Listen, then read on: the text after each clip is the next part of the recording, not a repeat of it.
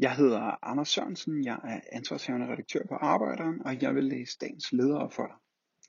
Det er mandag den 11. maj 2020, og dagens leder hedder Arbejderne slår igen. For første gang siden starten af 80'erne er der en stigning i kollektiv faglig kamp.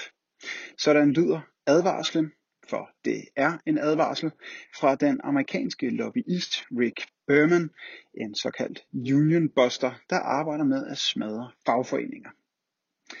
Det er mange små og store arbejdskampe, der bekymrer ham, ikke mindst i multinationale selskaber, hvor arbejdere skaber netværk og alliancer på tværs af grænser, øh, og samtidig vokser andelen af fagligt organiserede og øh, hele interessen for fagforeninger i øh, flere lande.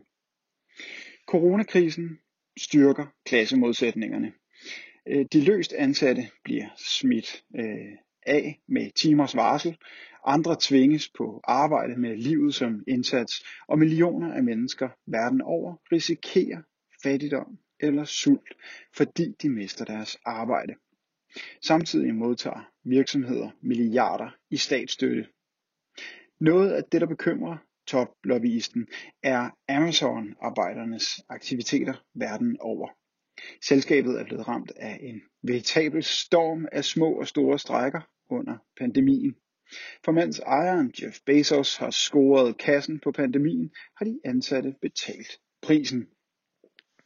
Bezos har øget sin øh, formue med svimlende 165 milliarder kroner, mens koncernens kæmpelager øh, kritiseres for at fungere som kæmpestore smitteklynger.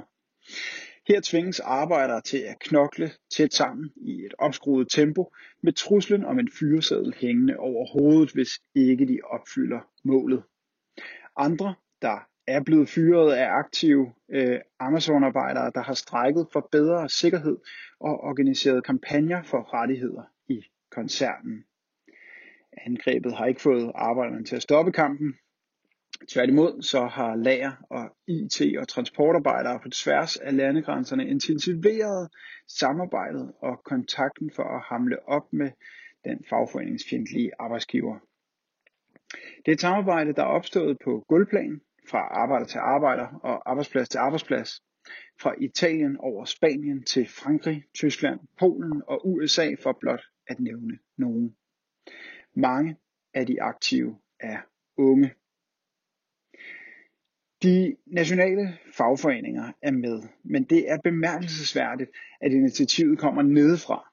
For folk, der kender styrken i at nedlægge arbejdet og på den måde sende regningen tilbage til den amerikanske rigmand.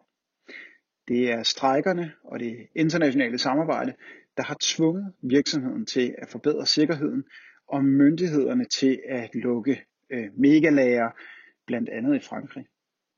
Aktionærer i Amazon øh, har forsøgt at rejse kampen for arbejderrettigheder på selskabets generalforsamling, men er blevet blokeret af Amazons ledelse. Det er arbejderne selv, der er kommet til at presse forandringer igennem. Kampen i Amazon er blot et eksempel på, at den faglige aktivisme bryder igennem overfladen i en tid, hvor det er de grundlæggende rettigheder til ikke at blive dødssyg af arbejdet og kunne leve af sin løn, det handler om. Den kamp starter på arbejdspladsen og i fagforeningen. Du har lyttet til dagens leder fra Arbejderen. Abonner på vores podcast på iTunes eller hvor du ellers hører din podcast. Du kan også klikke ind på arbejderen.dk for meget mere journalistisk indhold. Du er også velkommen til at følge Arbejderen på Facebook, Instagram eller Twitter, samt tilmelde dig Arbejderens daglige opdatering på Messenger. Vil du i kontakt med Arbejderens redaktion, kan det ske ved at sende en mail til redaktion Tak fordi du lyttede med.